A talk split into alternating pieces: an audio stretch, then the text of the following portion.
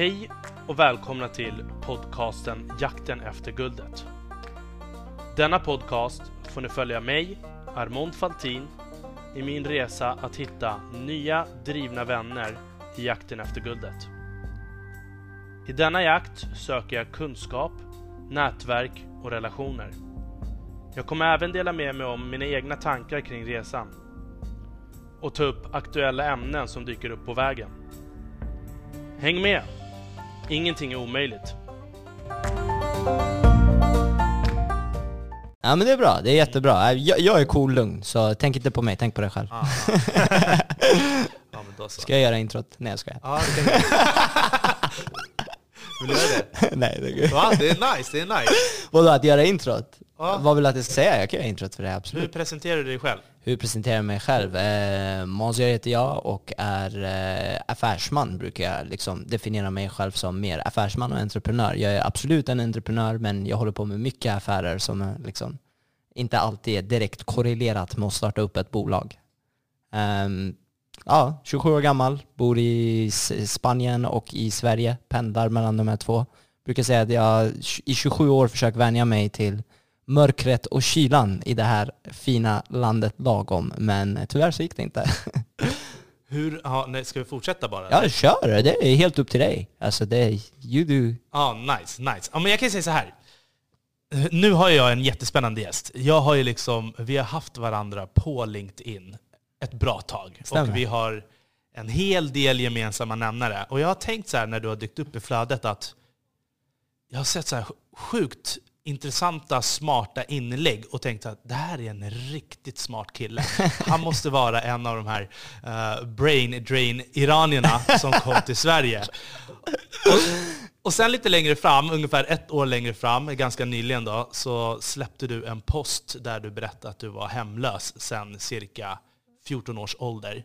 Exakt. Och hamnade på For- Forbes 30 under 30. Precis, stämmer bra det. Stämmer alldeles korrekt. Och idag är du medgrundare och CRO på Venisum. Alldeles korrekt. När jag kontaktade dig, jag skrev ju till dig direkt när jag såg den här posten. Ja, Och då kände jag så här. Du svarade ganska direkt, vi Ja. ringde upp varandra, du var i Marbella och Japp. eh, du hade en hel del resor framför dig som du skulle Oh, göra. Just det, nu, nu slog det mig att du catchade mig precis innan min turné typ. Det var ju Precis. riktigt kul. Så att, eh, men jag kände att vi hade en sån härlig konversation och jag bara, du måste berätta din story. Ja, vi typ fastnade och började prata stories. Jag bara upptäckte att det hade gått en timme redan och vi bara surrade. det var så här härligt snack redan i telefon. Så. Exakt, exakt. Så att, men, men- för att gästerna ska få veta lite mer om dig, vi kan väl börja med vart är du uppvuxen någonstans? Ja, absolut. Så jag är uppvuxen i Sollentuna, eh, mer, mer specifikt Mallvägen då, då eh, och i de krokarna som jag är uppvuxen. Fram tills ja, ungefär jag var 15 år, eh, 14-15 års åldern där och då började den här hemlöshetsresan och då var det lite, ja då var man mer mobil och inte mer på en och samma position om man säger det, om man lägger upp det på det sättet. Mm. Hur eh, hamnade du i hemlöshet? Ehm, Jag brukar säga ganska enkelt. Jag kommer från en familj som inte hade jättemycket eh, pengar. Min pappa var också lite utav en entreprenör, men kanske inte genialiskt eh, finansiellt lagt, om man säger det på det sättet.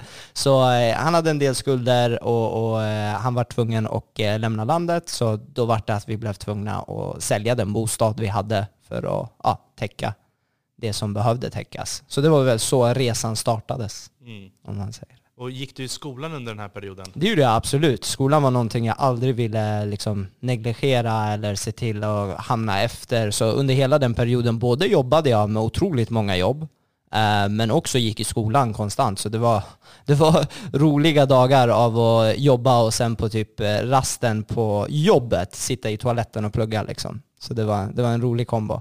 Vem var du i skolan och vilken skola gick du i? Ehm, jag gick i en del olika skolor. Jag var, jag var lite stökig så jag fick flytta runt lite eh, i skolorna. Eh, jag började med att jag gick i en skola som heter Sollentuna International School. Jag tror det var fram till grundskolan eh, som jag gjorde det. Och sen flyttades jag till en skola som heter Silverdalsskolan i, i Sollentuna. Ehm, och efter det så hamnade jag då på Rudbecks gymnasium så jag var ja, även lite mobil där. Jag höll mig inte i en och samma skola utan var tvungen att röra mig runt lite. Mm. Vad pluggar du för någonting i Rubek då? I Rubek, ja, håll i dig för den här är chockerande. Natur, matte, data. Jag själv kan inte förstå än idag att jag pluggade natur, matte och data. Men jag är väldigt glad över att jag gjorde det. Eh, För det gav mig väldigt bra liksom, baskompetens med saker jag, jag jobbade med senare. Många, många år senare så började jag jobba med saker som var väldigt tungt lagda matematiskt. Och då var det väldigt uppskattande att jag hade gått alla de här svåra kurserna i Rudbeck. Hade du bra betyg?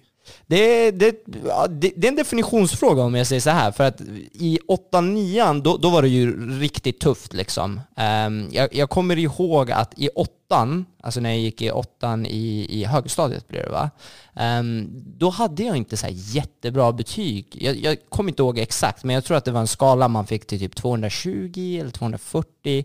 Väldigt stor utrymme att jag har fel här den, om den här skalan, men jag tror jag landade på typ någon 60-70, så det var inte så bra. Men sen så när jag gick ut nian då, då jag är väldigt så, när jag, när jag låser in någonting i fokus och säger att jag ska göra det, då gör jag det. Och då kommer jag ihåg att jag gick ut med nästan jackpot, alltså typ 190-200, så jag var ändå väldigt, det var en stor utveckling. Eh, ja, från typ 80-70 till 190-200. Så då hade du VG, MVG i nästan allt? Ja, i snitt så hade jag VG, MVG i nästan, nästan allting. Men det var absolut inte MVG i allting. Jag tror att snittet var lite mer över än eh, VG i allting. Var kommer det här drivet ifrån? Visste du liksom att eh, det var viktigt att plugga? Alltså, jag ville bara se till att inte göra om det. Det var bara, jag såg så många människor i min närhet som vart, vart liksom äldre och vart tvungna att göra om olika kurser och gå komvux och, och de bitarna. Så jag bara bestämde mig att egentligen så kände jag att plugget inte var någonting för mig, men jag ville inte negligera det. um, och se till att jag behöver göra om det. Jag är väldigt mån om min tid, det var jag redan då som ung också. Så jag ville bara se till att jag bara får det gjort till en början och gör det bra så att jag inte behöver göra om det. Och under hela den här perioden så var du också hemlös. Ja, exakt. exakt. Så ungefär, om man hårdrar det så kan man säga från 15 till 18 då. då. Och ordet hemlös är ju väldigt så här, ja, den har en negativ betoning i det. Så jag, det, har tagit mig liksom tid att bli van och, och själv kunna säga det ordet, att man har varit hemlös. Folk får ju direkt så dåliga bilder i sitt huvud av ja, X och Y och att det har varit si och så. Um, men om man hårdrar det så kanske ja, under de här åren så har man totalt blivit tvungen att, att sova, i, om man ser ute, vilket jag inte riktigt gjorde, jag sov på tunnelbanor. Kanske 20 gånger, 20-25 gånger, så det var inte så att i tre års tid så, ehm, så satt jag ute och var liksom fullt hemlös. Utan jag hade en väska, cirkulerade mellan olika vänner som jag inte ville skulle riktigt förstå eh, att jag var hemlös eh, och såg till att sova liksom en natt hos vardera. Um, ibland så krisade det sig och då fick jag, då fick jag några jourhem eh, med olika ah, fosterfamiljer som tog hand om mig i kanske två, tre veckor och sen så gick jag tillbaka till vänner. Så det var lite jonglerande fram och tillbaka av olika boenden. Men vanligtvis när folk tänker sig ah, hemlös, då tänker man så här, han har varit ute på gatan i tre år i sträck. Nej, så var det inte riktigt.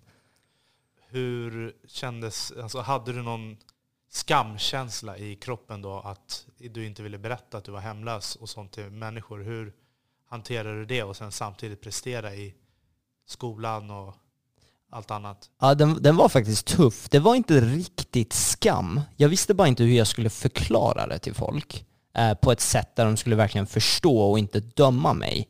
Eh, och tro. För att som sagt, det här ordet hemlös har ju en så här negativ klang i det. Så eh, jag hade inte sagt att det var för att jag hade någon riktig skam i det på det sättet. Jag skämdes, det, det gjorde jag, men det var inte så att jag verkligen storskämdes eh, för det. Um, så. Har du syskon?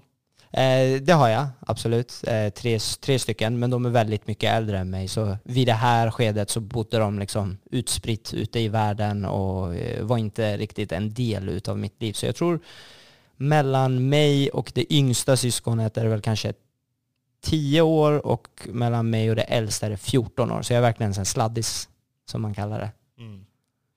Men hur vad hände sen liksom under hela den här perioden? För du har också varit med och startat en massa initiativ och Ja, men det företag och stämmer. varit entreprenör. Kan du berätta stämmer. lite om eh, den resan? Absolut, det, det började faktiskt roligt nog innan alltså hem, hemlöshetsbiten. Um, så jag tror redan när jag var 13, som jag backar ett år liksom, innan jag inte hade ett liksom, stående hem.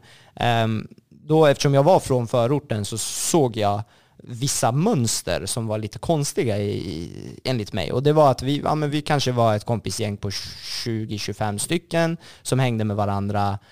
Um, och en grej jag, jag la ganska snabb, uh, ja, ganska snabbt förstod var att kommunen spenderar otroligt mycket pengar på att bara liksom, ja, hålla oss i schack eller vad man ska säga. På pengar som liksom farsor och morsor på stan och nattvandrare och, och poliser och social, social folk som liksom går runt och hjälper ungdomar. Och det var jättemycket fokus kring just vår, eh, vår kompiskrets.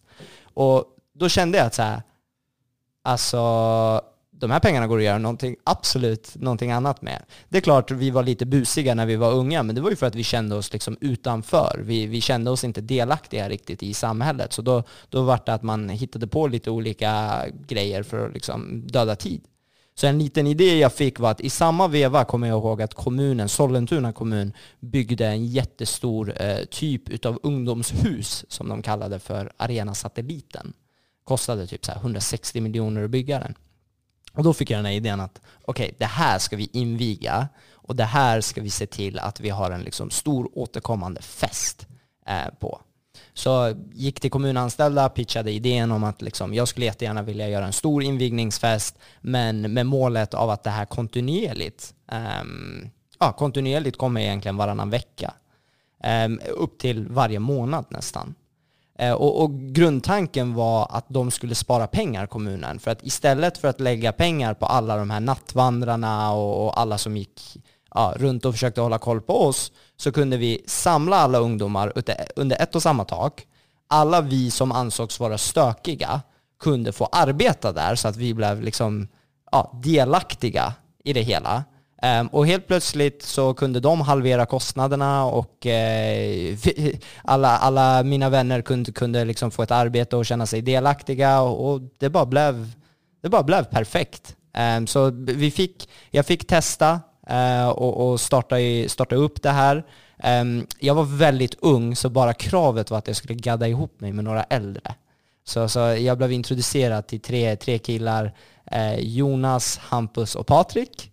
Um, och då började vi egentligen spåna på idén. Vi var ungefär 20, eh, de var 20, jag var 13. Um, ehm, och eh, ja, då kom vi på ett namn, det hette Club Play. Eh, vi kom på en logga, vi fick en budget, vi började eh, liksom, ehm, sätta en DJ ehm, och, och hela köret och körde det. Och sen på vår invigning insåg vi att det stod tusen pers utanför dörren. Och där insåg vi nog att det här kommer bli en stor grej. Det här var en jättebra idé. Enda problemet vi hade var faktiskt att jag var 13 och in, för att komma in så behövde du vara 15 år gammal. Så det skapade lite små dramatik där folk bara ”men han är ju där” och jag bara ”men kom igen, jag är ju grundare. jag måste ju stå här”. Fick du pengar då också eller var det bara liksom... Nej men det, det fick jag absolut. Så det var liksom vanlig timanställning om man säger så. Alltså det är ju kommunalt arbete. Ehm, så det var ju att jag fick ja, ag- agera som en projektledare för kommunen. Så det var ju definitivt ett kassaflöde som, som kom från det, men det var inga gigantiska pengar. Men som 13-årig och senare som liksom 14-15-årig hemlös, jag uppskattar de där pengarna enormt mycket. Jag såg en post också idag som eh, du la upp där du hade träffat eh, en kvinna, en tjej, Ja, stämmer. Stämmer. Var- som du hade bott hos när Ja, du var exakt. Exakt, det är en ganska galen historia. Alltså det, det, det, jag tycker det är helt sjukt hur livet eh, för liksom folk samman på, på så härliga men ändå märkliga sätt. Så när jag senare då, senare i, i um, åldern blev eh, hemlös och, och inte hittade några vänner att sova hos så, så uh, gick jag till eh, socialen och blev tilldelad ett jourhem. Och i det här jourhemmet, precis när vi kör fram till eh, hemmet så säger den här socialkvinnan, hon bara ah, förresten, de kommer från samma land som dig och, och har eh, ah, kids som är lika gamla som dig. Och jag bara, men come on, det här kan du inte säga precis utanför huset. Jag, jag kommer inte gå in här. Alltså det är ju omöjligt att jag kommer gå in här. Och hon bara, nej men kom igen, de är väldigt schyssta och det är bara förklara läget för dem så förstår de. Så jag träffade i alla fall de här eh, ja, eh, fosterföräldrarna, om man ska kalla det Eh, på det sättet och förklarade läget att liksom, om jag ska vara här då är det väldigt viktigt för mig att eh, era barn inte liksom, typ får nys om att jag är här. För vi gick ju typ samma skola, så det skulle vara jättepinsamt för min del. Um, så de var så snälla och så underbara människor att de förstod situationen helt och hållet. Så vi satte upp någon typ av system. Liksom. När barnen inte var hemma så fick jag ett mess och då kom jag in, gick raka vägen in till rummet. Rummet var placerat precis bredvid liksom, entrén. Um, och sen kunde jag gå och lägga mig där. Uh, och sen på morgonen så gick jag innan liksom, barnen uh, vaknade. Och vi var ju lika gamla så jag såg dem ju i skolan. Liksom. Uh, några timmar senare efter att ha lämnat huset. Men sen så när jag kom med i Forbes så delade jag ju min historia, gick lite offentligt med det och då, då delade hon, Pega heter hon, jätteunderbar kvinna, ehm, delade hon och sa jätteinspirerande hade hon bara skrivit. Och då kommenterade jag ett långt inlägg och förklarade det är helt otroligt att du delar den här av alla människor. För nu ska du få höra min vän. Jag har nämligen sovit i ditt hus och enda regeln var att du skulle inte få reda på det. Eh, och det var, ja, det var härligt. Vi, vi tog en kontakt liksom separat från den där posten och vi hade en lunch häromdagen eh, där jag berättade om alla detaljer. Vi båda började liksom brasta ut i tårar och, och, och kramade om varandra och sa det är helt otroligt vad, vad livet har liksom leder en till.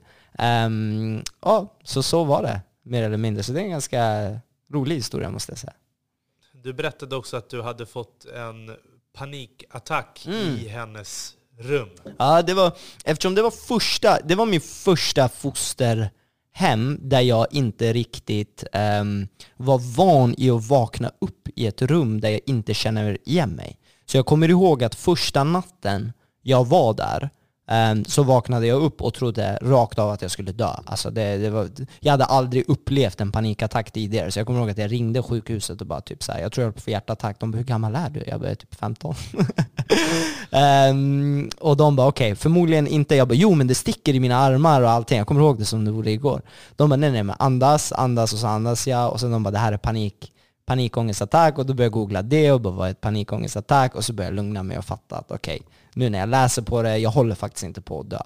Uh, och det här berättade jag till, till Pegaro och det var ganska känsloladdat när, när jag sa det och det glömmer jag aldrig. Uh, för att det var min absolut första panikångestattack. Det är klart man har fått några uh, efter det, men som ung så var det min första och jag kommer ihåg att det var bara att jag vaknade upp i ett rum och jag kände inte igen mig var jag var.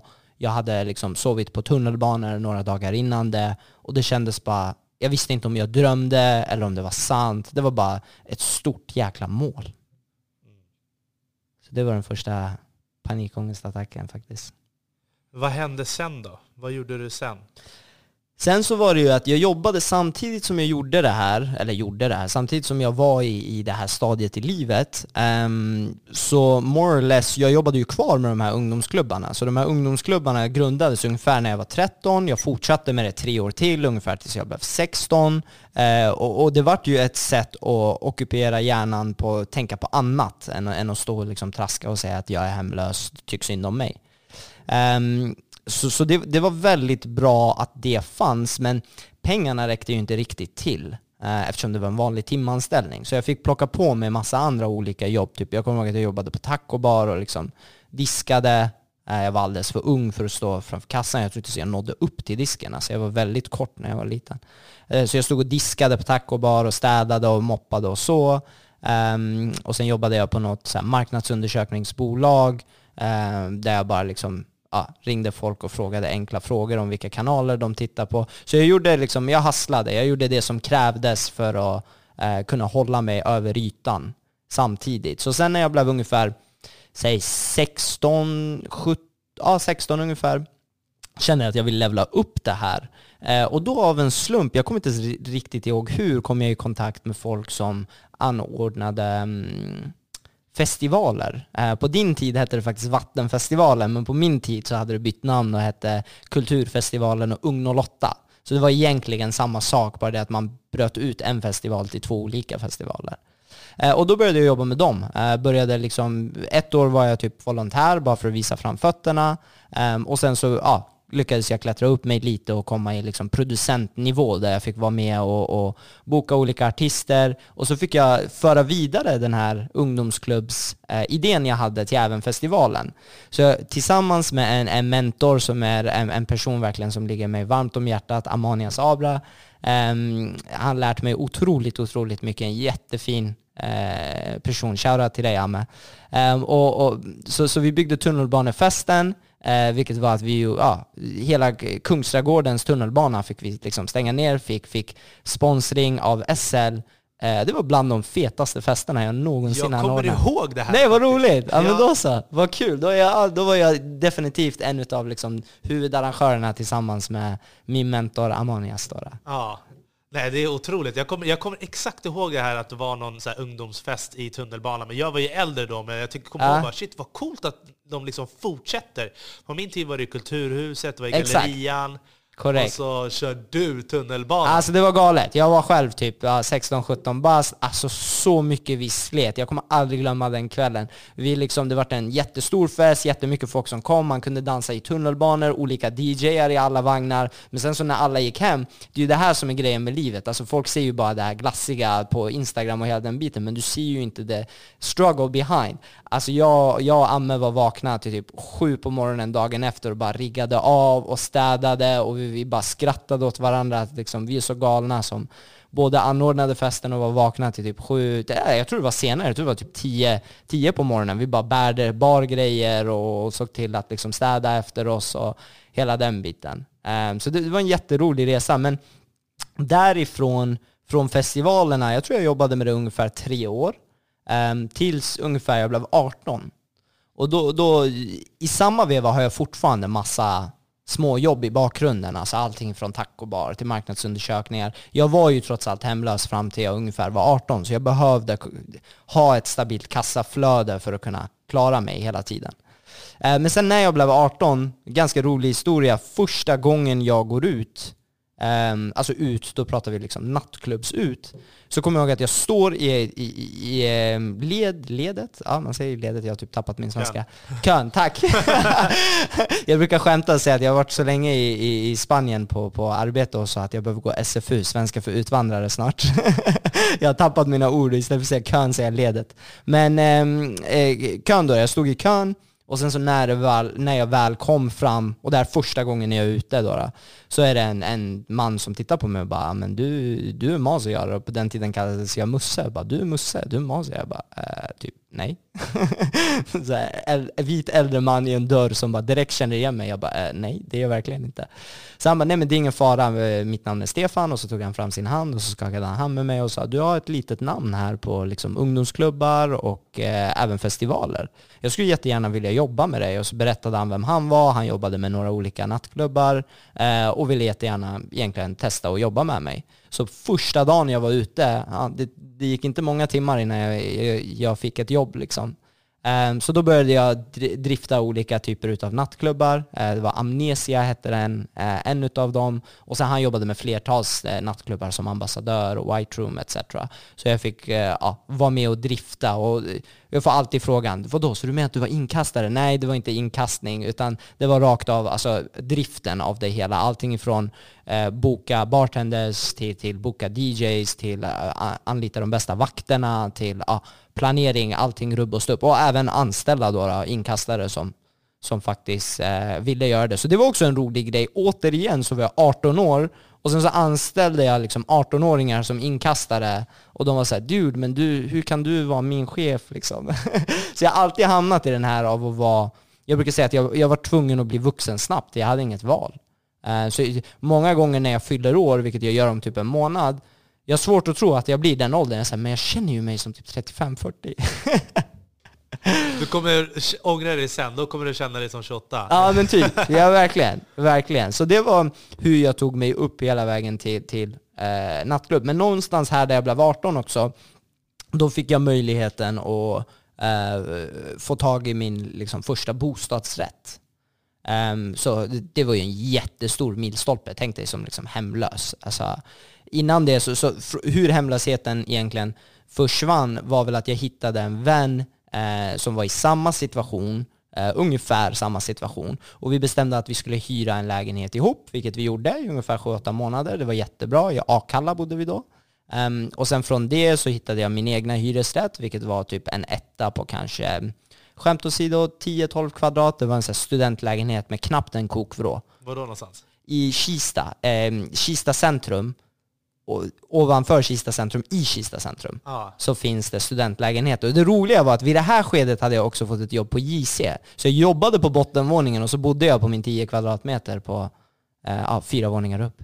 Så jag jobbade där nere på bottenvåningen och sen så bodde jag där uppe eh, i studentlägenheten. Alltså de var så minimala, det var helt otroligt hur litet det var. Alltså det, det, det är typ inte en mänsklig rättighet att bo så där litet. Men man tar det man har. Vad var hyran då? Eh, jag tror att den var 6000. Jag kommer inte ihåg, men jag tror att det var 6000. För att man får ju betala ändå, trots att ja, det är Ja, det är ju Stockholm. Alltså det, det är bostadspris deluxe. Så jag tror att det var typ 6-7 tusen, någonstans där omkring och för typ 10-12 kvadratmeter. Alltså det, det, var en säng och en toalett. Det var det jag kommer ihåg. Liksom. Hur gammal var det där? Jag tror att jag var ja, men runt 18, 18-19. Um, någonstans där omkring var jag. Och sen så därifrån egentligen Um, det var då som jag fick, jag, jag kämpade hårt. När jag väl blev 18 då började jag, förutom de egna nattklubbar som liksom jag jobbade med, um, så såg jag till att kontakta alla klubbar som fanns där ute och, och få jobba i dörr. Uh, och få jobba liksom, ja, ytterligare pass. Alltså, mina nattklubbar drevs från fredag fredag, lördag, men vadå, jag hade ju många fler dagar där jag kunde. Så det var ju eh, dagar där man kunde liksom ja, jobba från sex på morgonen, säg att man jobbade med ett jobb, eh, fram till typ eh, ja, tio. Och sen från tio så gick jag till skolan och så var jag i skolan till kanske fyra. Och sen från fyra så hamnade jag i JC till klockan nio. Och sen från nio så gick jag och jobbade som dörrvakt fram till klockan tre på natten. Eh, och det var bara för att liksom klara sig igenom och bara, och allt det här var med målet i fokus av att få min första bostadsrätt. Så jag höll på att spara till min första handpenning. Det var det som var hela grejen. Så jag fick ihop, jag vet inte vad det var, alltså, jag tror det var typ 80 000. Vilket aldrig hade funkat idag alltså, som en handpenning. Fick ihop typ 80 000, köpte mig min första lägenhet. Oj vad stolt jag var. Alltså det var, jag kommer ihåg att jag grät. Alltså det var, jag kunde inte greppa det. Det var, det var, det var en dröm för mig. Um, och här stod jag liksom 18 år, uh, ägde min första lägenhet, hade fått ett lån. Det var ganska enkelt att få lån med tanke på att jag hade så mycket jobb. så så liksom, uh, inkomsten var väldigt enkel för banken att räkna ut och jag varit en liten risk. Köpte min, min första, sålde den efter typ ett och ett halvt år och för första gången så insåg jag, okej, okay, innan vi går vidare, ja. vart var det första lägenheten? Det var faktiskt i Sollentuna det med, men det var inte i liksom, de trakterna jag var riktigt uppväxt i. Det var i Vaxmora hette det. Så det var mer typ kring ett villaområde eh, där de hade börjat bygga lägenheter. Så hur mycket fick du köpa den för? Alltså jag kommer inte exakt ihåg, men jag tror att det var... Jag försöker tänka här verkligen för att ge en siffra. Om jag hade... Jag kommer inte ihåg för att vara ärlig. Jag kommer ihåg vad jag tjänade på den, men jag kommer inte ihåg vad jag köpte och sålde för. Vad tjänade du då? Jag tjänade, för första gången så tjänade jag vad jag tjänade liksom på ett helt år. Jag tror det var 600 000 kronor. Och det var det som slog mig bara Oh my lord, du skämtar! Så mycket jag sliter på ett helt år och tjänar 600 000. Jag bara köpte en lägenhet. Jag gjorde inte no alltså jag renoverade inte ens den här lägenheten. Och så sålde jag ett och ett halvt år senare och då för första gången insåg jag jag tror jag har fattat att man behöver göra pengar via affärer, inte via att sälja sin tid och timmar och liksom jobba. Um, så det var den första, men sen därefter var jag jättetrött på nattklubbar. Alltså. Det, var, det var bara inte min grej. Alltså det var sena nätter, det var, man, man var väldigt trasig, det var mycket som hände och jag bara kände att okej, okay, nu, nu är jag typ 18 år, 18-19 år någonstans, um, drar i handbromsen och ser vad kan jag, vad är jag bra på? Och då insåg jag att okej, okay, det jag kan är event. Vad vill jag göra? Jo, jag vill jobba med evenemang. Om jag backar lite ett år tillbaka så är det här en sjuk story jag ska dela med mig av. Så en, när, innan de här lägenheterna då, när jag var hemlös, så eh, när jag väl fick sova ute, som man säger, eh, men det var inte riktigt ute. Mi, mitt trick var att sova på så här, tunnelbanor och pen, pendeltåg, så jag bara åkte fram och tillbaka tills en vakt kastade ut mig. Men då kommer jag ihåg att det var en gång en vakt kastade ut mig vid Östermalm. Det var typ kanske sex på morgonen eller fyra eller någonting. Och så gick jag och satte mig på en bänk eh, och väntade på att det skulle bli morgon och så vart det morgon och så gick det tre personer Eh, förbi mig. Eh, de här tre personerna hade liksom tipptopp klocka och liksom kostym och pratade persiska, alltså mitt egentliga modersmål. Jag vart ju helt mindblown. Som liksom ung hemlös kille, jag tror att jag var 17 någonstans. Um, så började jag bara titta och då såg jag hur de gick in, gick förbi mig och så gick de in i ett kontor. Um, och det var ju vid East, Stureplan 15 och så tittade jag upp och så stod det där uppe Serendipity. Och då insåg jag att det här måste jag titta upp. Så jag tittade upp det, förstod att det var liksom en grupp utav jättedriftiga iranier eh, som jobbade med varandra och var entreprenörer och byggde bolag eh, och bestämde att nej, en dag vill jag... Det, jag var tvungen att konstant sätta mål. Så då bestämde jag att nej, men en dag vill jag jobba där. Så jag började lyssna på massa podcasts och massa intervjuer som de här var med på. Eh, och då var det tre killar som hade gått förbi mig och, och det här var eh, grundaren eh, Said, Ashkan och så deras dåvarande vd som var Amin då. Så jag bestämde mig att en dag ska jag en dag ska jag jobba där, så då behöver jag samla min information. Lyssnade på olika podcaster och då, Said brukade alltid säga typ att ja, men vi anlitar på två premisser. Ena är att man har typ så här dubbelexamen, jag bara ha, där rök den. jag har inte en dubbelexamen.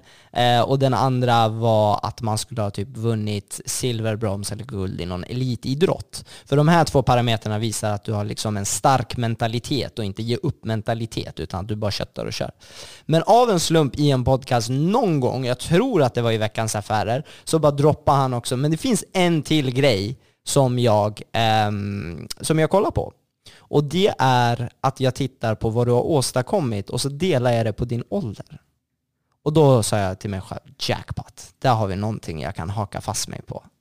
Och det var i samma veva typ senare som jag bara, alltså jag måste lämna nattklubbslivet. Alltså jag kan inte komma liksom klättra mig högt upp på nattklubbslivet. Alltså det, nästa steg är att bli en krögare och äga stället och det vill jag typ inte göra. Liksom. Um, så då började jag titta på vad jag är duktig på. Hade insett att event var en grej jag hade gjort. Jag ville verkligen in i businessvärlden. Jag hade ingen eh, liksom, akademisk bakgrund. Um, och då började jag titta upp olika företag som jobbar med events. Hittade ett företag som heter Management Events.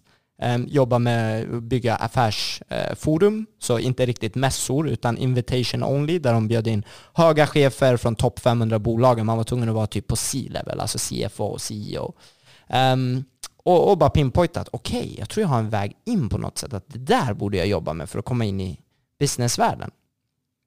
Så eh, jag kontaktade bolaget och de var så här, alltså vi anställer typ bara folk med akademisk bakgrund. Jag bara, men eh, ni lär ju ha, alltså det är ju ändå ett event, ni lär ju ha någon som serverar typ. Eller någon som öppnar och stänger dörrar, vilket de hade. Så de bara absolut, vi har liksom folk som serverar kaffe. Jag bara, ah, men det blir jättebra. Jag, I got it. Liksom. Jag kommer servera den bästa kaffen i världen. Eh, så jag fick det jobbet, Vanligen så här, timanställd. Men mitt mål var ju att klättra upp så högt upp som möjligt under så kort tid som möjligt för att visa fram fötterna för att en dag presentera mig själv till de här tre grabbarna som gick förbi mig när jag satt på den här parkbänken. Så jag får det jobbet som kaffehämtare. Eh, vi har ju det i Mellanöstern, heter det typ chaiwalla, brukar jag skoja Det är alltså ett, ett specifikt yrke där man häller upp te. Um, så, så jag ja, började bli en kaffehämtare, öppnade och stängde dörrar på ett evenemang. Och sen så, ja, efter bara tre månader så eh, jag tjatade ner dem på att jag ville ha mer jobb, mer jobb, mer jobb. Jag ville anordna de här eh, forumen, de här evenemangen. Så efter tre månader så sa de så här, okej okay, men det, det har gått väldigt, väldigt bra. Du har serverat otroligt bra kaffe och jag bara skrattade. Um, så absolut, vi kan tänka oss att ja, men ge dig en skräddarsydd roll typ. Eh, för att vi anställer bara folk, återigen, som har akademisk bakgrund. Jag hade ingen akademisk bakgrund. Så då gjorde de någon så junior project manager, där jag fick typ en, hälften av allas lön och hälften av allas mål. Eh, och jag skulle bara lära mig. Efter bara tre, fyra månader där så slog jag alla rekord som det gick att slå. Eh, och sen så vart de så här, ja men vill du bli senior då? Ja men då kan du få samma lön som de andra. Jag bara, vad händer med att ni inte anställer? De bara, okej men nu gör vi ett undantag. Um, så efter det um, så jobbade jag som projektledare ett tag. Uh, och, och jag kände att nu har jag flowet. Nu har jag det här flowet. Jag, jag började som kaffehämtare, jag håller på, du vet, målet i sikte, komma upp så högt upp som möjligt under så kort tid som möjligt. Helt plötsligt så kommer säljchefen i Sverige över till mig, jag tror han heter Peter, kära till dig Peter. Uh, och um, då, då säger Peter egentligen att um, om, om du kommer över till sälj så lovar jag att lära dig allt jag kan till att bli en bra affärsman. Jag switchar över till sälj, lär mig allting jag kan från honom. Han blir lite liten farsan Baloo för mig. Um, och det börjar gå väldigt, väldigt uh, bra på sälj. Nu börjar jag tjäna bra med pengar för att nu, nu var jag på sälj. Nu kunde man få provision. Och det var första gången jag bara, oj, provision, det här var ju grejer.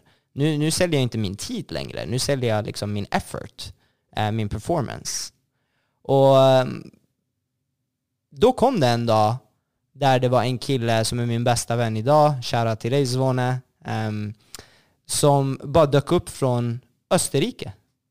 Och när han kommer från Österrike och då börjar han jobba på det här företaget, så jobbar vi kanske två, tre månader och sen så frågar han mig, han bara vad är det som driver dig? Alltså affärerna du gör, det är liksom tredubbla, fyradubbla vad vi alla andra gör.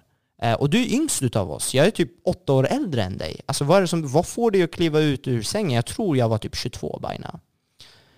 Um, och då säger jag till honom att okej, okay, om jag säger det till dig, då, um, då, liksom, då är du tyst om det. det är liksom, jag brukar inte droppa det här, men nu när du verkligen undrar, då, då säger jag det till dig. Han bara absolut, jag bara sätter dig ner. Han sätter sig ner, jag öppnar min låda och ur lådan så tar jag fram en bok där det står Miljardmakarna. jag har den boken hemma.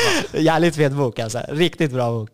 Um, och då är det ju Serendipity-grundarna, eh, det är ju Said och Ashkan på boken och det handlar om deras historia, hur de kom till Sverige och flykten från Iran och alla bolag de har byggt och så vidare. Så jag pekar på den boken och säger, ser du de här två, ändå vill jag jobba med de här två. Det är mitt mål, det är det som liksom konstant driver mig. Han bara, jaha, är det det som driver dig? Jag bara, ja. Eh, någon gång har de kläckt ut sig att de kan liksom anställa folk som har klättrat upp eh, högt upp, eller förlåt, folk som har åstadkommit mycket och sen delar det på sin ålder. Jag bara, så mitt mål är att första april, jag kommer inte ihåg vilket år, eh, det var exakt första april 2000 någonting, introducera mig själv till dem. Och då sa han så här, men varför första april? Jag bara, för att de ska tro att det är ett skämt. Alltså jag sitter som en unge framför dem, framför superentreprenörer och liksom, det ska bli en rolig grej utav det. Så skrattade han och sa okej, okay, ja, men jag fattar, du är en speciell person. Liksom. Du, och så berättade jag min bakgrund med hemlösheten och då förstod han att jag var driftig. Dagen efter så kommer han till kontoret och så bara tar han ut ett visitkort från sin ficka. Vem? Eh, den här polaren som jag precis berättade, Zvonko. Ja. Då, Så då tar han ut ett visitkort och bara lägger det på mitt bord. Och då på den så står det så här, Said Esmail Zade. Och så står det så här, ring mig, en smiley. Och jag bara, uh, what? Tittade på honom. Jag, men du sa ingenting om att du känner de här när jag sa det här till dig. Han bara, jag gör ju inte det. Han bara, jag känner inte de här. Jag bara, men va? Inget makes sense. Kan du förklara? Han bara, så. Jag flyttade från Österrike till Sverige för att jag blev kär i en tjej. Nu jobbar jag med dig. Du berättar din historia. Samma kväll som du berättar din historia så säger min tjej, kom jag ska introducera dig för mina barndomsvänner. Och då visar det sig att det är det här klicket. Och då har han tagit upp det med de här och sagt att ah, jag, idag hörde jag, alltså det finns en kille som har typ jobbat senaste 4-5 åren för att bara åstadkomma och få jobba med er. Um, och då eh, hade de tydligen hört det på något annat håll också och då var de lite nyfikna. Så då drog Said upp sitt visitkort och sa ge han det här och be han ringa mig liksom. Och då ringde jag honom, eh, återigen fällde en tår för att det var så här, jag är helt sjuk. Det var ett år, så det var ett år och en dag innan mitt mål. Så mitt mål var första april, jag kommer bara inte ihåg vilket år det var. Men jag kommer ihåg att den dagen jag ringde Said så var det 13, 30 mars. Så det var ett år och en dag innan. Så det var verkligen love attraction. Alltså allting jag gjorde, allting jag andades. Jag satt på kontoret till liksom 12 på natten ett på natten, tre på natten. Alltså larmet gick ibland och väktarna kom och bara ”Vad gör du här? Har du gjort inbrott?” Jag bara ”Nej, jag jobbar här”. De bara ”Varför går du inte hem?” Jag bara ”Jag har ett mål i sikte”. Liksom. Jag har inget hem. ja. Ehm, så, så då, more or less, så um, därifrån uh, gick jag och träffade Said. Vi klickade väldigt bra. Um, kan, kan, vi, kan vi bara bromsa lite? Ja, självklart. Hur gick samtalet till när du ringde honom? Vad var de första orden och ringde du på direkten eller väntade du ett tag? Nej, jag tror jag ringde på direkten. Alltså jag, jag bara kör. Ja. Det finns inte så mycket att tänka alltså, över. Jag bara ringde och han visste att jag skulle ringa eftersom han hade gett liksom, sitt visitkort. Ehm, och det gick väl ganska, han bara, men jag har hört om dig några gånger. Så här. Jag bara, "Mm, jag har hört om dig miljarder gånger, det är inte en, två gånger jag har hört om dig. Hela senaste mina fyra, fem år i livet har bara handlat om dig och vi känner knappt varandra. Han bara, "Ja, men, eh, och det var persisk nyår, så jag tror 30 mars någonstans var runt persisk nyår. Eh, vårdagsjämning däromkring. Och då sa han så här, men kom förbi mitt kontor så, så lägger vi en fika. Så då gick jag förbi hans kontor, eh, satte mig där, vi pratade, jag berättade hela min life story precis så som jag gör nu. Eh, och sa att, ja, berättade allting som hände och sa att jag kan relatera till din historia av att du har flytt från Iran. Jag har inte flytt från Iran. Men det, det jag känner i atmosfären att det finns en slags energi och synergi av liksom misär som du gick igenom, som jag också har gått igenom nu. Och av den anledningen så satte jag dig som min förebild bara av att du passerade mig på gatan och jag var tvungen att titta upp vem du var. För jag hade inte så mycket förebilder ute i förorten. Så jag var tvungen att liksom hitta en och då vart det här en serendipity som det, bety- det betyder en lyckosam slump. Så det vart en lyckosam slump att han bara gick förbi mig en dag. Och sen så jobbade han och skapade ett bolag som heter Serendipity, som betyder en lyckosam slump. Liksom. Så allting bara klaffade. Um, och jag kommer ihåg att när jag väl var klar med mitt speech, han bara alltså, du, har, du har kaka på näsan. Jag bara, oj. så torkade jag bort kakan och så, han bara, ah, men det är, låt oss gå runt så ska jag introducera dig till alla. Så då, han tog in mig i familjen direkt. Han började introducera mig till alla på kontoret. Ehm, och ja, träffade mycket olika människor och sen så, ja, men jag tror två veckor därefter så jobbade jag på hans kontor. Och vad fick du för roll då? Ehm, Jag tror att när jag väl började så var det kanske inte en specifik roll. Eh, De är väldigt speciella när de anställer. Det är inte riktigt roller de anställer för, utan de, de jag tror att de har sagt någon gång att de investerar i människor. Alltså att de liksom tror om på någon så anställer de. Så jag tror första två veckorna, jag kommer inte ens ihåg om jag jobbade med någonting. Alltså jag hade typ inte fått en dator eller en mobil eller eh, vad det var. Um, och sen så därefter så eh, hamnade jag i ett av deras bolag som heter Homemaker. Um, där det var att man jobbade med tillvalshantering och hade byggt en så här digital shop för det. Uh, började jobba med den och började skala upp, skala upp den egentligen. Den hade typ en kund eh, och sen fick jag sätta mina säljexpertis ehm, knowledge på det och ja, växa den från någon kund till kanske 40 kunder. Ehm, och sen fick jag hoppa till något annat projekt och sen till något annat projekt. Så det vart att man fick leka runt lite i deras koncern av massa olika bolag. Så det var inte bara så här, det här är din roll, du är en projektledare. Utan det är det som gör det bolaget väldigt unikt, tycker jag. Um, Så det var en blessing. Jag nådde min dröm, jag hamnade där och, och jag skolades bland liksom Stockholms finaste och duktigaste entreprenörer. Än till idag tycker jag det.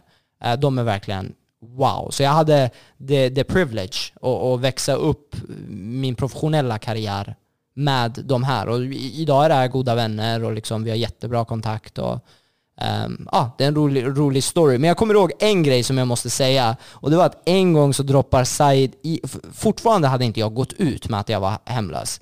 Um, en gång så droppar han det i någon så här kaféintervju och säger ah, men jag eh, anställer bara folk jag tror på. Som en kille nu jag anställd som har varit hemlös och driver ett av mina bolag. Och så kommer jag till kontoret så är det någon som bara har du varit hemlös? Bara skriker det genom andra sidan kontorshållet. Jag bara dude alltså vad pinsam du är, kom hit, låt mig, vad har du fått den här informationen om? Så han bara kolla här, det står i tidningen, jag har kopplat ett plus ett, det här måste vara du. Så jag bara, ja det kan det absolut vara, men snälla skrik inte om det. Alltså det, det jag är inte så van vid att prata om det liksom. Um, och och Said droppade inte riktigt mitt namn i det. uh, men uh, de som kände mig kunde koppla ihop det.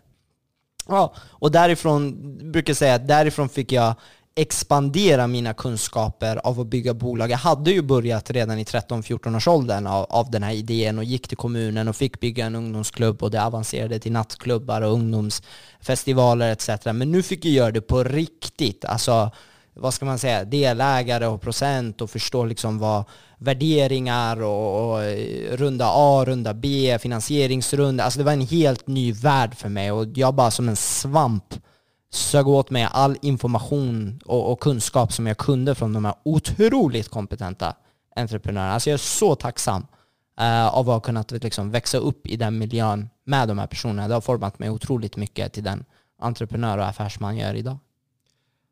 Alltså det är helt otroligt att du, de tog dig direkt under deras vingar, placerade dig på lite olika poster och liksom så här, utvärderade dina egenskaper, bygga dig samtidigt och så bara BAM!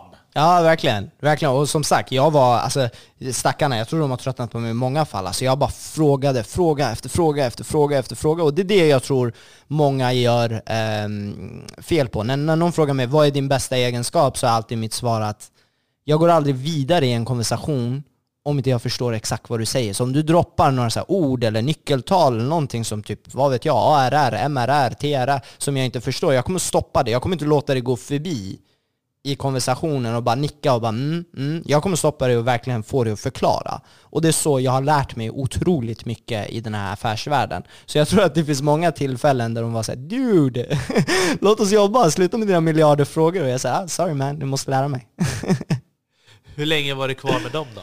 Jag tror att det var fyra, fyra alternativ, ja, fyra år ungefär. Så ja, från när jag var 21 till jag var 25 ungefär.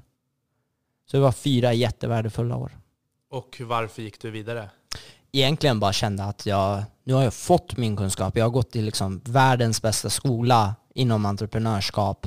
Nu är det dags att du vet, riska lite. De har ju kommit till där de är för att de eh, har en jättefin riskaptit. Um, och jag känner att jag, jag, har inte en så stor riskaptit när jag sitter här konstant och liksom får gotta mig med alla superduktiga entreprenörer. Vad händer om jag kastar mig själv i liksom djupt hav och, och lär mig själv att simma? Um, så det var väl enda anledningen. Uh, och det var inte så att det vart några dåliga noter eller så, utan de uppmuntrar definitivt en att växa mer i sin roll. Så jag är fortfarande liksom god vän med dem, hade jag sagt, och har dialog och relation med dem. Vad gjorde du då när du gick därifrån? Hade du någonting klart eller? Ja, så då träffade jag en annan eh, superentreprenör, Kristoffer eh, Engman. Shoutout till dig Kristoffer. Eh, och då var det igen samma polare som satte mig i kontakt med eh, Said, som hette Svonko då, min polare från Österrike som hade flyttat ner. Han då jobbade samtidigt på ett bolag som heter Climon. Jag tror du har intervjuat folk från Climon som har suttit där. Ja, precis. precis. Andreas Källros. Ja, exakt. Andreas Källros delvis och säkert någon till. Så han hade jobbat på Climon och Climon hade de byggt tillsammans med Kristoffer Engman, eh, superduktig entreprenör. Och han egentligen, eh, ja, eh, Zvonko satte oss i kontakt och sa att ni två bör träffas. Maziar har en sjuk story liksom. Eh, och han har kommit en bra bit. Han är superung. Han är typ ja, 25-24 år gammal liksom. Um, och, och, därefter så jag och Kristoffer klickade direkt. Uh, han jobbade med något bolag som hade investerat i tungt uh, som heter uh, Proof. och det var inom marketing analytics. Så han slängde in mig där inom sälj och jag fick ansvara av att liksom, ta hand om hela sälj i hela Europa och bygga upp den biten tillsammans med Andreas. Um, och sen så jobbade vi där två år ungefär och sen så lämnade vi det. Ehm, och när vi lämnade det så eh, träffade jag då en superduktig annan entreprenör på det bolaget som heter Håkan Sjöberg som är min partner idag. Ehm, och han ringde mig eh, då och sa att du, nu ska vi jobba med översättning och jag bara, det måste utan tvekan vara det osexigaste jag har hört i mitt liv. Ska jobba med översättning. Och då förklarade han caset och sa att det är, eh, det är, ett, ja, det är ett översättningsverktyg för världens största, eh, världens största CRM som heter Salesforce och att det finns ett otroligt stort eh, behov av det här. Jag sa nej till en början och då han, han gav sig inte, typiskt entreprenör, vi ger oss inte va. Så han, han, han, bad mig göra en liten research, jag gjorde en liten research, pratade med några kunder och de här kunderna vart helt lyriska av att höra det här. Och då, då ringde jag tillbaka till honom och sa okej, okay, let's do it. Så han hade byggt redan en teknisk plattform och därifrån um, så skulle jag egentligen skala upp det här, sätta en hemsida, sätta en liksom struktur på hur säljer vi det här, vem säljer vi det till? Och det här var faktiskt redan bara, det har knappt gått ett år. Det var första augusti ungefär som jag började jobba med det. Um, och tog kanske två månader innan vi eh, satte liksom hemsida och budskap och hela det biten. Och idag har vi väl ja, men ett tiotal kunder, allting från Air France, KLM, Wish.com, världens största sminkbolag Mary Kay, um, ja, och en rad andra Vestas. Ja, det, det, är några väldigt stora bolag, så den, den har väl gått ganska fint um, för att vara typ 6-7 månader gammal. Men jag såg att du gav ett tips på LinkedIn ah. till eh, en person på Forbes i Tel Aviv. Ja, men det stämmer bra det. Eh, där du sa att man kan prata med ett större bolag och erbjuda nästan gratis eller eh, en riktigt bra present för att få ett utbyte av feedback. Exakt. Kan du berätta lite om det? Var, var, det? var det en sån variant du gjorde när du tog in alla de här stora företagen? Ja, men delvis. Det var liksom, första kunden var direkt och erbjuda dem liksom massiv rabatt, 80-90% nästan, eh, i utbyte mot att de liksom veckovis eh, måste ge feedback på, på hur, vi, hur vi kan göra det bättre och bättre och bättre och bättre. Um, och det är ju en sån här typisk grej man har lärt sig inom ja, serendipity-sfären, att, att om du ska bygga bolag, bygg det med eh, marknaden. Sitt inte i din egna källare och tro att du, du är smartare än marknaden. Um, så det, det, är definitivt. Så jag fick ett sånt här tillfälle när vi var, vi var i Israel tillsammans med Forbes, 30 under 30. Um, ehm, och då var det ett evenemang. Um, ett utav aktiviteterna var att man skulle coacha och mentora Eh, väldigt häftigt måste jag säga. Coacha och mentora några entreprenörer som har redan gått ihop, en palestinier och en israel. Um, och, och, det är så de bryggar lösningar. Då, då. Så de har redan gått ihop, eh, skapat ett bolag på idé uh, eh, och nu behöver de mentorskap för att ta det till nästa steg. Och då frågar de, ja, hur tar du det till nästa steg? Um, och då förklarade jag dem liksom massa olika tips som jag har gjort och det finns mycket i den här storyn nu som man inte hinner få med i podcasten. Men det här är ju inte liksom mitt enda bolag och det är inte det enda bolaget som eh, jag har skalat upp. Så jag, min, min S i rockärmen blev väl att folk som har en idé eller folk som har en produkt som är färdig um, kontaktar mig och säger det här är min produkt, jag har ingen aning om hur jag ska sälja den. Jag har ingen aning om hur jag ska skala upp det här bolaget. Jag är bara en produktkille, kan du hjälpa mig med det? Och ett flertal sådana case har jag gjort nu, ett kanske fem, sex sådana case. Um, och, och, det har gått ganska bra för dem, liksom tagit dem från ja, men, 0 till kanske 20 miljoner eller från 0 till 30 miljoner så att de kan förbereda sina runder och börja få in finansiering. Um, så det har väl utvecklats till min specialitet. Så jag brukar säga att jag är absolut ser mig själv som en entreprenör men också mer som en affärsman. För att folk kommer till mig när de egentligen har idén eller produkten färdig och vet inte nu hur de ska göra det här till ett riktigt stort bolag. Och det är där jag hoppar in. Och vad var det för företag som var ert första företag på Venisum? Eh, det, var, det var Mary Kay. Eh, så det var, jag tror, jag tror inte det är världens, jag tror världens största sminkföretag är Oriflame och sen är de eh, världens andra största sminkföretag, alltså cosmetics. Eh, så det var ju väldigt glossigt eh, att få dem. Och det var precis på det sättet att vi kontaktade dem och så sa jag till dem att liksom, ja, ni får ge feedback, ni får så här mycket rabatt. Eh, de älskade det, de hade eh, precis den problematiken som vi löser, alltså översättning på Salesforce. Och då när jag började gå till andra kunder så hade jag ju fattat exakt grejen på vart painpointsen sitter. Eh, och då var det en no-brainer för alla andra kunder. De bara hyllade det och bara det vart helt lyriska. Vi har väntat på det här hur länge som helst. Hur många produkter och hur många marknader var det som ni liksom fick översätta då? Med? Alltså eh, egentligen så, så, Salesforce är ett översättnings... Eh, nej förlåt. Salesforce är ett CRM, världens största CRM. Och de har egentligen blivit ett förvärvsbolag numera. Så de köper upp massa olika eh, system och sen så bakar de in allting och kallar det för Salesforce. Så de sitter på kanske 20-25 olika produkter. Alla de här produkterna är för olika saker. En är för kundtjänst, en är för eh, säljare, en är för liksom, miljöhanterare, en är för finansfolk. Så det är massa olika produkter. Inom alla de här produkterna så har det alltid bara varit engelska typ som ja, har varit huvud, eh, huvudspråket som man kommunicerar med det vi har gjort är egentligen att vi, vi gör eh, realtidsöversättning delvis. Så att säg att du skriver till mig i en chatt på, du, du väljer att skriva på norska och jag är svensk. Då översätts det i realtid till mig på, på, eh, så jag ser det på svenska och sen jag svarar dig på svenska och så ser du det på norska. Så det möjliggör att två olika parter kan liksom kommunicera med varandra. Och det, det lämnar ju stora affärseffekter när det gäller liksom vart ska vi placera vår kundtjänst. Um, tidigare har jag haft kunder som liksom har skickat sina anställda på språkkurser. Och det är så här, what? Det är 2022, du behöver inte göra det alltså. Du behöver inte spendera så mycket pengar för att folk ska gå på språkkurser. Teknologi kan hjälpa dig med det här. Så för att besvara frågan, marknader, det är faktiskt alltså alla som har Salesforce.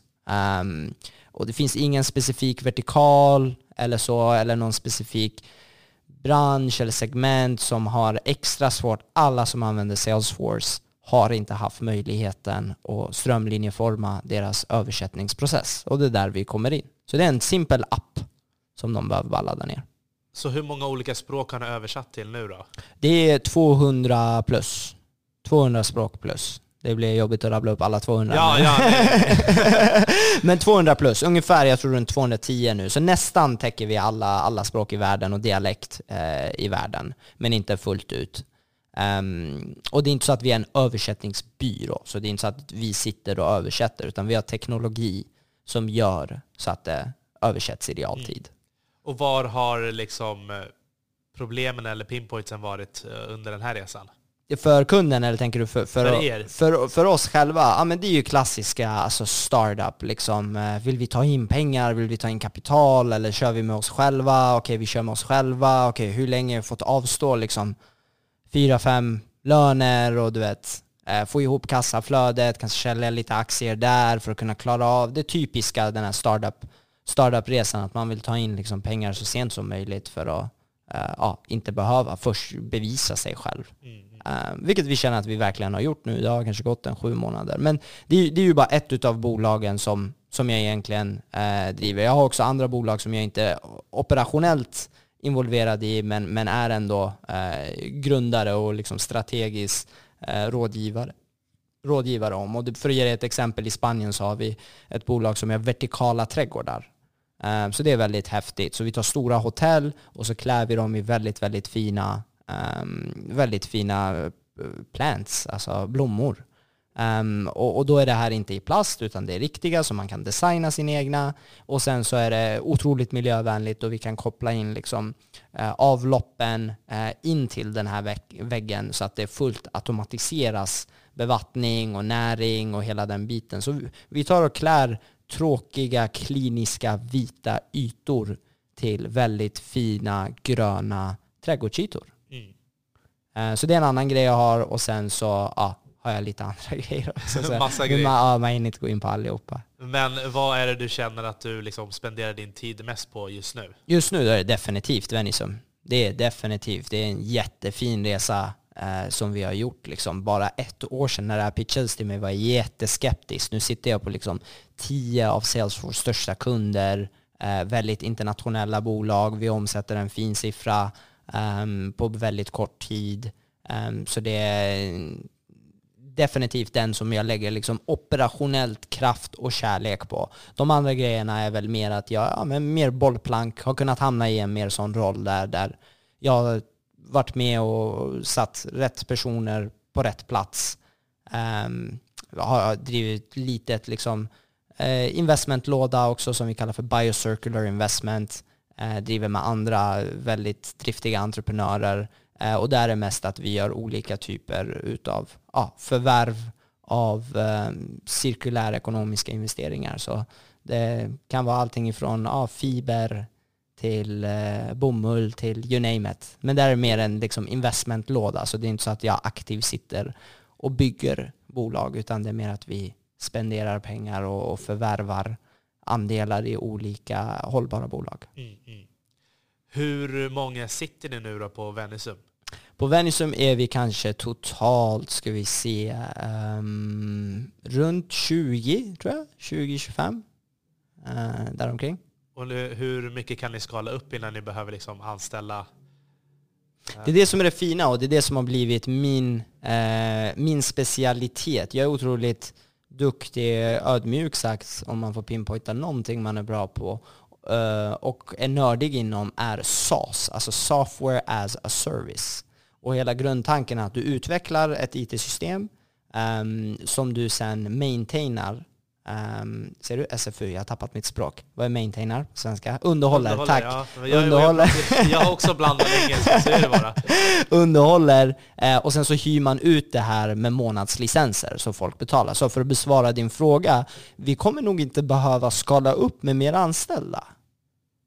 Hänger du med? Ja. Vi kommer behöva lägga kanske någon till. Jag kan inte sitta och göra alla affärer för all evighet, så det kommer ju behöva komma. Men det är inte där det hänger på. Det är inte anställda som är flaskhalsen.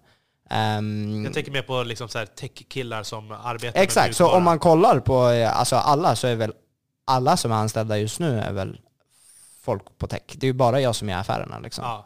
Ehm, men sen bör det ändras vid något skede när vi liksom tar in en investeringsrunda eller när vi ja, har lite mer pengar i kassan. Då bör det skifta så att vi blir många fler som jobbar kommersiellt.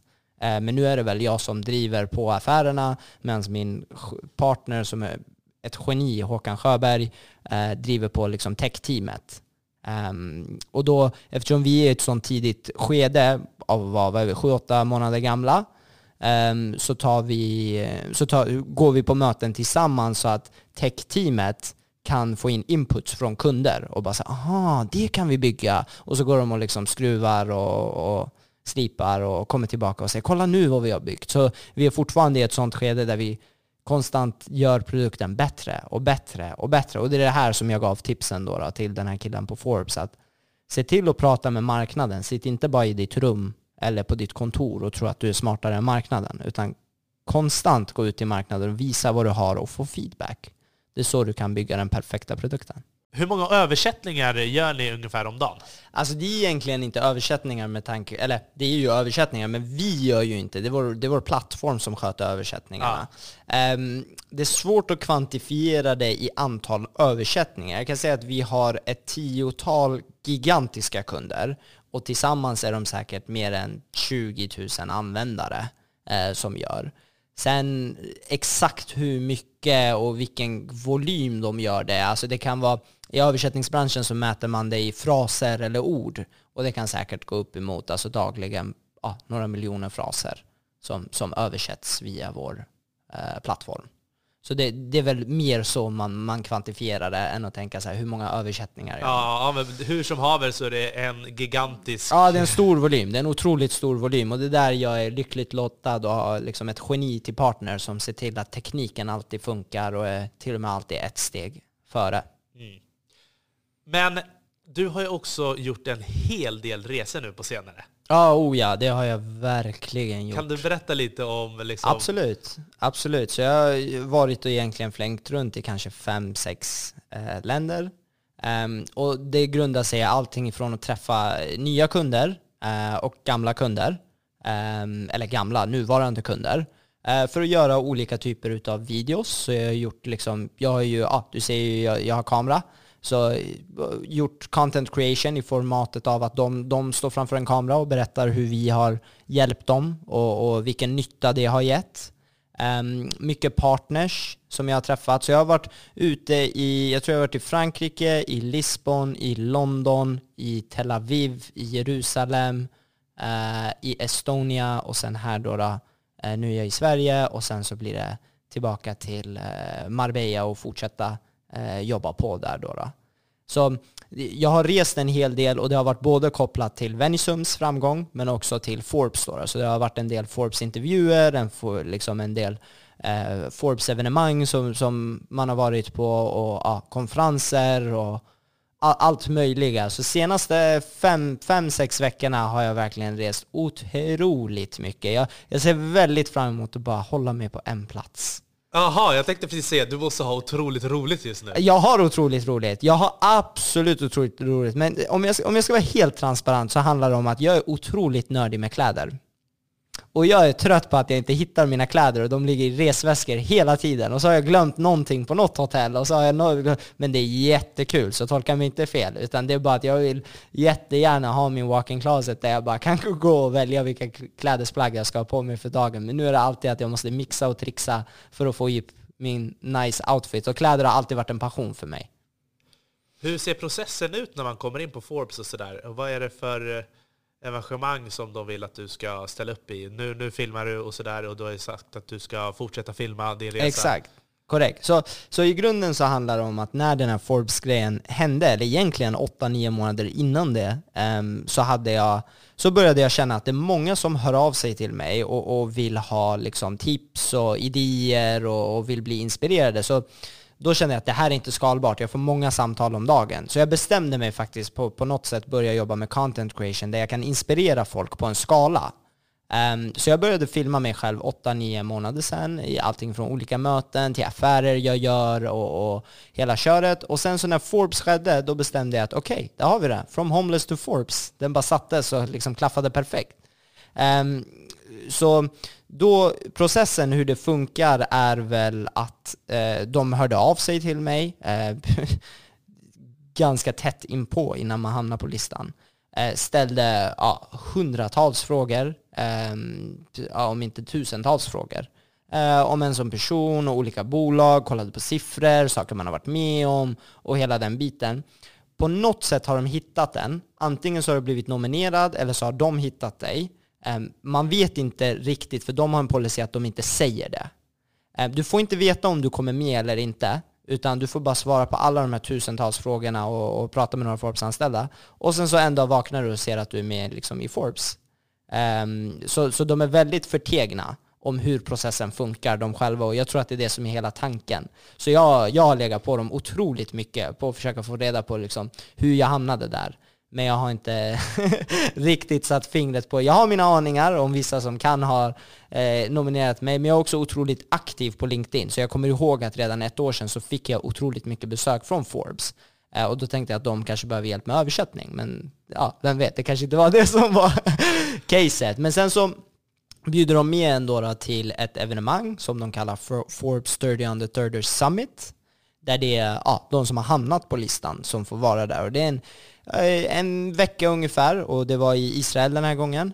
Um, ja, man får spendera tid med eh, folk från the billionaires list. Uh, presidenten var liksom där och Israels president och ja, höll föredrag och man fick nätverka med honom, massa ambassadörer. Väldigt, väldigt liksom högt uppsatta människor i både olika bolag uh, men också politiskt. Um, som de skapar olika forum. Så man hamnar i olika forum där man bara pratar affärer och det var helt fantastiskt. Alltså, en vecka med att bara nörda in sig i, i massa affärer och träffa serieentreprenörer som är nu på billionaires list i, i USA och har liksom sålt av 7-10 bolag och, och de delar med sig om sin resa och man bara kan relatera otroligt mycket där de pratar om att man måste misslyckas. det, är liksom, det, det, det är ett motto jag alltid har att liksom, if you're not failing you're not even trying. Um, och det var så härligt att bara sitta och höra uh, och säga att nej men jag tror jag tänker rätt alltså. Jag tror jag är i linje med vad de här säger. Man blir otroligt inspirerad men också får en bekräftelse att man gör rätt grejer. Så, så var egentligen processen. Så Israel var väl väldigt fokuserad för Forbes. Um, sen så de andra uh, länderna jag var i, det var mer för Venisum. Men då vart det olika Forbes-intervjuer. När jag ändå var i London så var det någon som hörde av sig och bara Kan jag få intervjua dig um, för en artikel till exempel? Eftersom du har varit med i Forbes 30 under 30 och sådana grejer. Mm. Träffade du andra svenskar där? För jag ja. vet ju Robin Åström och eh, Gustav Smith från WeHype. Träffade du dem?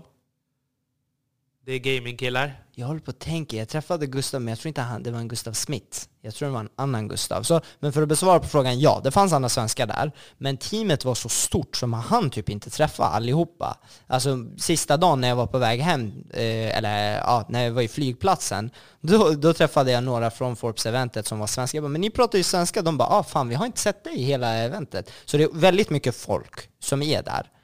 Um, alla som blir listade får ta med sig plus en. Um, och sen så får folk från föregående år, eftersom det var pandemi och året innan det också komma. Så vi var ju typ så 250 pers som hade landat på ett och samma event. Så det var svårt att hitta alla. Men jag träffade några svenskar, men tyvärr inte de. De namnen du sa, jag vet att de har varit med på listan och är med på listan, men jag lyckades tyvärr inte träffa dem live. Mm.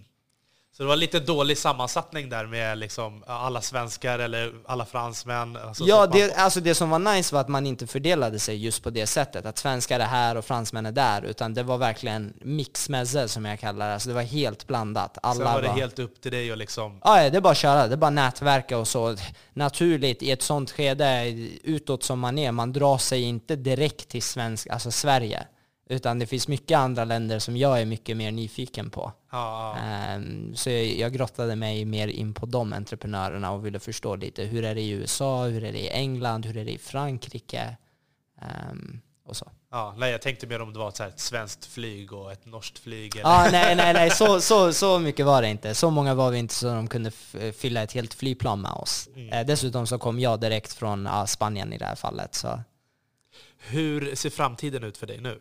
Framtiden ser eh, väldigt fantastisk ut. det är, mm, ja, jobba på med allting jag gör. Jag känner mig otroligt lycklig. Eh, varje dag jag vaknar är bara en blessing av att få liksom, jobba med dem jag jobbar, lära mig så mycket som jag gör ehm, och bara njuta av min dag. Ehm, jag har insett att det inte är målet, det är resan. Och jag bara älskar att bara få göra det jag gör. Eh, en grej som är väldigt ny för mig det jag insåg när jag kom ut med min story var väl ehm, att jag får nog en kick av att inspirera andra. Så när folk säger så här, fan det där inspirerade mig jävligt mycket, då är det så här, shit jag levererade värde. Bara av att berätta liksom, kring mitt liv och hur jag har gjort. Så därav så ja, fortsätter jag egentligen med att spela in eh, allting, allting som jag gör och sen så en dag så kommer det här bli eh, en form utav antingen YouTube-kanal eller ja, Instagram-kanal eller en mix utav allting. Eh, men jag känner att jag, jag, skulle vilja inspirera folk på, på, på, en stor skala och inte bara ta liksom, telefonsamtal med friends and family som frågar så här, hur funkar det? Hur funkar det? Hur gjorde du det här? När du var hemlös? Jag har gått konkurs. Hur ska jag tänka nu? Nu har jag inga pengar och sådana saker. Liksom. Det är lite så, för smått för dig. Alltså det, det, är inte smått, men det är mer att så här, spendera tre timmar på att inspirera en person. Om jag kan spela in det och inspirera 300 000 på, på samma timme, då når jag ut till många fler som behöver bli inspirerade. Så jag vill bara kunna att när någon säger så här, ah, men jag är i det här skedet av livet, vet du, jag har varit där, titta på det här klippet och sen kan vi prata. Exakt. Men nu kommer du vara stationerad i Marbella under en längre period, eller har du? Nej, alltså jag pendlar ju. Jag har ju ett hus i, i Marbella och sen så har jag här också i, i Sverige. Så jag kommer ju liksom pendla fram och tillbaka. Um, man kommer se mig mycket mer nu i Stockholm för att det är sommar. Det är bara att glömma att se mig när det är vinter. um, så jag kommer nog resa lite fram och tillbaka, men just nu ser jag bara fram emot att bara försöka stationera mig på ett ställe. Och jag drar nog tillbaka till Spanien nästa vecka. Vad tar du med dig då? Vad har den här resan gett dig? Oj. Oj, oj, Den har gett mig otroligt mycket. Jag tror jag kan skriva en bok om allting den har gett mig. Men eh, jag tror en av de, de starkaste grejerna är väl att allting händer för en anledning och du kommer omöjligt se det där och då. Eh, det var jättehemskt att befinna sig i en hemlös situation, men fråga mig idag om jag skulle ta bort det, aldrig. Det finns inte en chans att jag hade gjort det. Det har format mig till exakt den jag är. Så när du har det väldigt tufft, du kommer inte se det där och då, varför det här händer. Men senare kommer bara, aha, nu fattar jag varför jag gick igenom det där. För att det skulle förbereda mig för det här. Så det är väl en av de största lärdomarna um, som jag har lärt mig från min resa. En andra är, ge aldrig upp. Alltså ge bara aldrig upp. Det är bara kör. Alltså det, du ska få miljoner med nej. Alltså ett nej, det går att vända alla de nejen till ja. Så tro på dig själv, och, och, och ge aldrig upp. Eh, definitivt. Eh, och tredje är väl misslyckas så mycket du kan. Alltså desto mer du misslyckas, desto närmare kommer du att lyckas. Så för varje grej du misslyckas med så lär du dig någonting. Så du kan riktigt inte förlora. Antingen så vinner du eller så lär du dig någonting. Så det tror jag är definitivt mina eh, största, största lärdomar från min egen resa. Om vi tittar lite längre fram, vad har du för drömmar och mål utöver liksom arbete? Ja. Vad är ditt guld?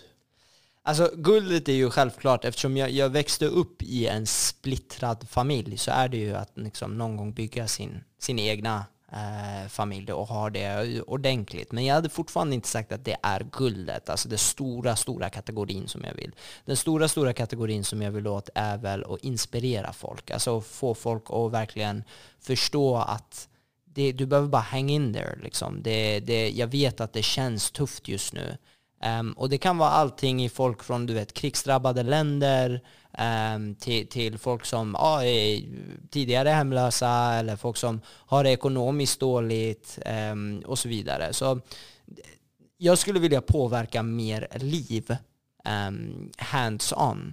Och för det så tror jag att jag behöver sälja av något av de här bolagen jag i alla fall jobbar med, göra en typ av exit, så att jag bara kan, kan spendera 100% av min tid av att bara utforska hur jag kan förbättra världen och göra den till en bättre plats och ändra människors liv med kunskap och lärdom. Kommer det vara då liksom hands-on direkt på marken eller ska det vara liksom eh, vanliga medel eh, klassliv? Vad, hur, hur, menar du? hur menar du? kommer det vara i Sverige? Kommer det vara i Iran? Det, kom, det kommer, vara, vara internationellt. Det ja. kommer vara internationellt. Det kommer, jag kommer absolut inte liksom nischa in mig i lilla landet lagom på 9 miljoner bara. Liksom. Jag, jag tror vi, världen, alltså främst någonting som, som sitter mig varmt om hjärtat som jag vill jobba mer och mer med, det är att jag tycker vi förstör vår värld miljömässigt. Alltså det jag tror det är kört snart om inte vi börjar liksom på riktigt ta tag i oss själva. Så jag tror att för, jag, jag vill inspirera andra till, till, deras liv, men jag vill också inspirera andra till, till att börja ta hand om vår planet och börja förstå att vi, förstör vi den här så har vi inte jättemycket eh, kvar efter det. Eh, så det kommer definitivt vara på en global nivå eh, som jag vill både inspirera och hjälpa människor. Eh, inte på en lokal nivå. Mm. Var kan man hitta dig om man vill komma i kontakt med dig? Som du nämnde är jag väldigt aktiv på LinkedIn, så eh, Mazior Nodehi på LinkedIn. Eh, även Mazior Nodehi på ehm, Instagram. Otroligt nog, Mazior Nodehi på TikTok. Skapade och la ut min första post där också. Ehm, så det är väl de tre plattformarna och sen så är det bara att eh, hålla utkik på de plattformarna när jag släpper min YouTube-kanal. Stort tack Masen Nodehi att du kom och deltog i podcasten. Jag vet att det här kommer vara inspirerande till så många lyssnare. Och eh, vi kommer definitivt att träffas mer. 100 procent, det kommer vi göra. Tack så jättemycket för att, du, för att jag fick komma. Uppskattar det. Jakten efter guldet mina vänner, med vänliga hälsningar Armond Faltin.